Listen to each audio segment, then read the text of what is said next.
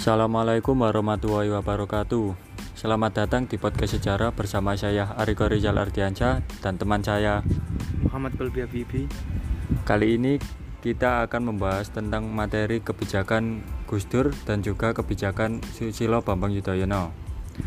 Yang pertama, saya akan membacakan materi tentang kebijakan Gus Dur. Presiden Republik Indonesia keempat Abdurrahman Wahid alias Gus Dur memang dikenal kontroversial. Kebijakan-kebijakannya kerap menuai banyak kritik dari berbagai kalangan. Misalnya, ketika Gus Dur mengunjungi Soeharto setelah penguasa Orde Baru itu lengser. Padahal, waktu itu Soeharto sedang menjadi sorotan publik. Gus Dur juga pernah mengusulkan agar pemerintah mencabut TAP MPRS nomor 25 tahun 1966 tentang pelarangan PKI dan pelarangan penyebaran ajaran komunisme dan Marxisme atau Leninisme di Indonesia. Usul itu langsung menuai kontroversial hingga akhirnya kandas direalisasikan. Selain dua hal itu, sebenarnya masih ada banyak kebijakan-kebijakan Gus Dur tatkala menjadi presiden yang kontroversial. Apa kebijakan pertama Presiden Gus Dur usai dilantik jadi presiden? Kebijakan pertama Presiden Gus Dur setelah dilantik menjadi presiden adalah membubarkan Departemen Sosial dan Departemen Penerangan. Gus Dur membubarkan Departemen Penerangan dan Departemen Sosial sebagai kebijakan pertamanya usai dilantik jadi presiden. Bahkan, dia lembaga itu dibubarkan kurang dari sepekan sejak ia resmi jadi orang nomor satu Republik Indonesia pada bulan Oktober tahun 1999. Pembubaran itu kemudian memancing protes dari sekitar 50.000 pegawainya di seluruh Indonesia. Di Jakarta, seperti dilaporkan majalah mingguan Tempo, ribuan pegawai Departemen Penerangan dan Departemen Sosial berunjuk rasa di depan istana. Saat menerima perwakilan demonstran, Gus Dur berkata, pembubaran Departemen Penerangan dan Departemen Sosial telah mutlak. Menurut dia, keberadaan Departemen Penerangan kala itu tak lebih hanya membuat masyarakat terus berhadangan dengan pemerintah yang ingin mengatur informasi. Sedangkan dalam wawancaranya dengan Kick Andy, Gus Dur menyebut lembaga itu kadung dikuasai para pejabat dan birokrat yang korup. Sehingga, kata dia, satu-satunya cara untuk menghentikan praktik peninggalan Orba itu dengan membubarkannya. Departemen Sosial belakangan memang kembali hidupkan di masa pemerintahan Presiden Megawati. Pada Agustus tahun 2001, Mega kala itu menunjuk Bahtiar Hamsyah selaku menteri yang sebelumnya menjadi ketua Pansus DPR terkait skandal yang menjatuhkan Gus Dur. Baru sebulan menjabat sebagai presiden, Gus Dur langsung merombak tatanan birokrasi pemerintahan dengan membubarkan Departemen Sosial dan Departemen Penerangan. Departemen Sosial dan Departemen Penerangan ini sebelumnya sudah ada sejak pemerintahan Orde Baru dan Habibie. Saat menjelaskan perihal pembubaran kedua pos kementerian itu di, di hadapan DPR, Gus Dur melontarkan komentar bahwa DPR tak ubahnya taman kanak-kanak. Beda DPR dengan taman kanak-kanak memang tidak jelas kata Gus Dur ketika itu. Pernyataan itu memunculkan protes keras dari sejumlah anggota dewan. Selanjutnya kebijakan yang kedua dari Gus Dur adalah sambangi Soeharto pasca lengser. Gus Dur juga memilih menyambangi mantan Presiden Soeharto setelah penguasa Orde Baru itu dilengsarkan pada tahun 1998. Padahal waktu itu Soeharto dan keluarga Cendana sedang menjadi sorotan publik. Gus Dur pula yang menggagas bahwa Soeharto harus diadili, hartanya disita, lalu Soeharto dimaafkan. Hingga akhirnya untuk pertama kalinya pada tanggal 30 Agustus tahun 2000 dilaksanakan pengadilan terhadap Soeharto. Apakah benar dulu Gus Dur sempat mengusulkan untuk mencabut TAP MPR tentang PKI? Benar, Gus Dur sempat mengusulkan untuk mencabut TAP MPRS nomor 25 tahun 1966 tentang larangan PKI dan penyebaran ajaran komunisme di Indonesia. Sejak dikeluarkan di tahun pertama Orde Baru, ketetapan itu memang menjadi legitimasi guna memerangi ekstremin, ekstremisme kiri di tanah air. Tapi itu pula yang menjadi dasar untuk menghukum orang-orang yang dianggap berhaluan kiri tanpa pengadilan. Menristek era Gus Dur AS Hikam menyebut langkah itu sebagai jalan rekonsiliasi antara orang-orang yang pernah menjadi korban Orde Baru dan pemerintah. Rekonsiliasi itu mengacu Undang-Undang Dasar tahun 1945 karena berlawanan dengan spirit Pancasila yang tak tertulis Bhinneka Tunggal Ika yang sudah dilaksanakan bangsa Indonesia tujuh abad sebelum proklamasi kemerdekaan Kata Hikam seperti dikutip dari NU Online Oktober 2020 lalu. Gus Dur melontarkan wacana itu lima bulan setelah ia dilantik menjadi presiden. Ia lebih jauh bahkan meminta maaf atas keterlibatan NU dalam pembantaian tahun 1965 sampai 1966.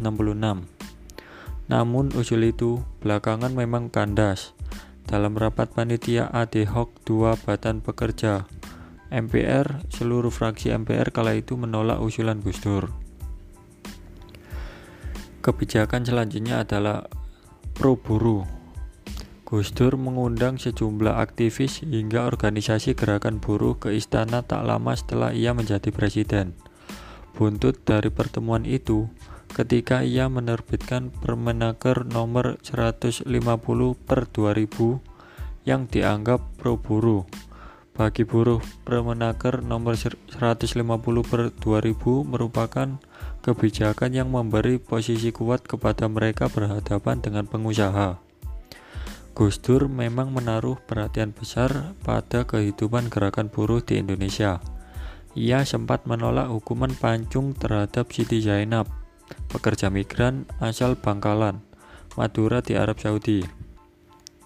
Ia menghubungi Raja Fat dari meminta pembatalan pelaksanaan hukuman mati terhadap Zainab hingga akhir masa jabatannya Gus Dur dianggap pro buruh dengan sejumlah kebijakannya termasuk membuka keran pendirian organisasi buruh di luar SPSI satu-satunya organ buruh selama Orde Baru. Kebijakan Gus Dur yang kelima adalah izin pengibaran bendera bintang kejora. Gus Dur sempat mengizinkan warga Papua mengibarkan bendera bintang kejora saat bagi banyak orang, terutama ABRI dan polisi, menyebut bendera itu sebagai simbol separatis. Izin itu diberikan Gus Dur usai menggelar pertemuan bersama perwakilan elemen masyarakat pada 30 Desember tahun 1999. Namun, ia meminta agar pengibaran bintang kejora hanya sebatas simbol kultural dan lebih rendah dari merah putih. Dalam pertemuan itu, Gus Dur menjawab semua pertanyaan, termasuk mengembalikan nama Papua dari Soekarno, yang selama rezim diganti dengan Irian Jaya. Selain itu, pendekatan-pendekatan humanis dikedepankan Gus Dur dalam menangani persoalan separatisme, bukan hanya di Papua, Hal hampir senada pun dilakukan di Aceh. Gus Dur juga mengurangi jumlah kehadiran militer. Salah satu aktivis Papua yang pernah mendekam di penjara sebagai tahanan politik, Vilek Karma, saat berkunjung di redaksi CNN Indonesia com pada 2019 silam memberikan kesaksian. Waktu Gus Dur tidak terdengar orang Papua ditembak. Philip mengatakan demikian karena menurutnya tak ada gejolak maupun tindakan represif yang dialami warga Papua selama pemerintahan Gus Dur yang singkat. Apa kebijakan Gus Dur yang paling kontroversial? Kebijakan Gus Dur yang paling kontroversial adalah ancam keluarkan dekret pembubaran parlemen. Kebijakan ini paling kontroversial dilakukan Gus Dur menjelang akhir masa jabatan. Dia mengancam mengeluarkan dekret pembubaran parlemen Dekrit itu berisi satu Pembubaran MPR atau DPR 2. Mengembalikan kedaulatan ke tangan rakyat dengan mempercepat pemilu dalam waktu satu tahun dan tiga Membekukan Partai Golkar sebagai bentuk perlawanan terhadap sidang istimewa MPRR Namun, dekrit tersebut tidak memperoleh dukungan dan pada tanggal 23 Juli dan akhirnya MPR secara resmi memakzulkan Gus Dur dan menggantikannya dengan Megawati Soekarno Putri yang sebelumnya menjabat sebagai wakil presiden. Selanjutnya adalah materi tentang kebijakan Susilo Bambang Yudhoyono. Kebijakan Presiden SBY atau dikenal sebagai Susilo Bambang Yudhoyono. Susilo Bambang Yudhoyono atau yang terkenal dengan sebutan SBY telah membuat babak baru dalam perjalanan sejarah Indonesia. Susilo Bambang Yudhoyono dilantik sebagai Presiden ke-6 Republik Indonesia pada tanggal 20 Oktober 2004 bersama wapresnya Yusuf Kala yang enggak kemudian terpilih kembali di pemilu 2009 bersama wapresnya Budiono. Bersama dengan pasangannya Susilo Bambang Yudhoyono memiliki komitmen untuk tetap melaksanakan agenda reformasi. Program pertama pemerintahan Susilo Bambang Yudhoyono dengan Yusuf Kala dikenal dengan program 100 hari. Program ini bertujuan memperbaiki sistem ekonomi yang sangat memberatkan rakyat Indonesia, memperbaiki kinerja pemerintah dari unsur KKN, serta mewujudkan keadilan dan demokratisasi melalui kepolisian dan kejaksaan agung. Rumusan masalah dalam penelitian ini adalah satu, bagaimanakah kebijakan politik dalam negeri pemerintahan Presiden Susilo Bambang Yudhoyono tahun 2004 sampai 2009 Dua, bagaimanakah dampak kebijakan politik dalam negeri pemerintahan dalam Presiden Susilo Bambang Yudhoyono tahun 2004 sampai 2009? Tujuan dari penelitian ini adalah satu, untuk menganalisis kebijakan politik dalam negeri pemerintahan Presiden Susilo Bambang Yudhoyono tahun 2004 sampai 2009. Dua, untuk menganalisis dampak kebijakan politik dalam negeri pemerintahan Presiden Susilo Bambang Yudhoyono tahun 2004 sampai 2009. Nah, jadi itu adalah materi tentang kebijakan Gus Dur dan juga materi tentang kebijakan Susilo Bambang Yudhoyono. Sekian dari kami. Wassalamualaikum warahmatullahi wabarakatuh.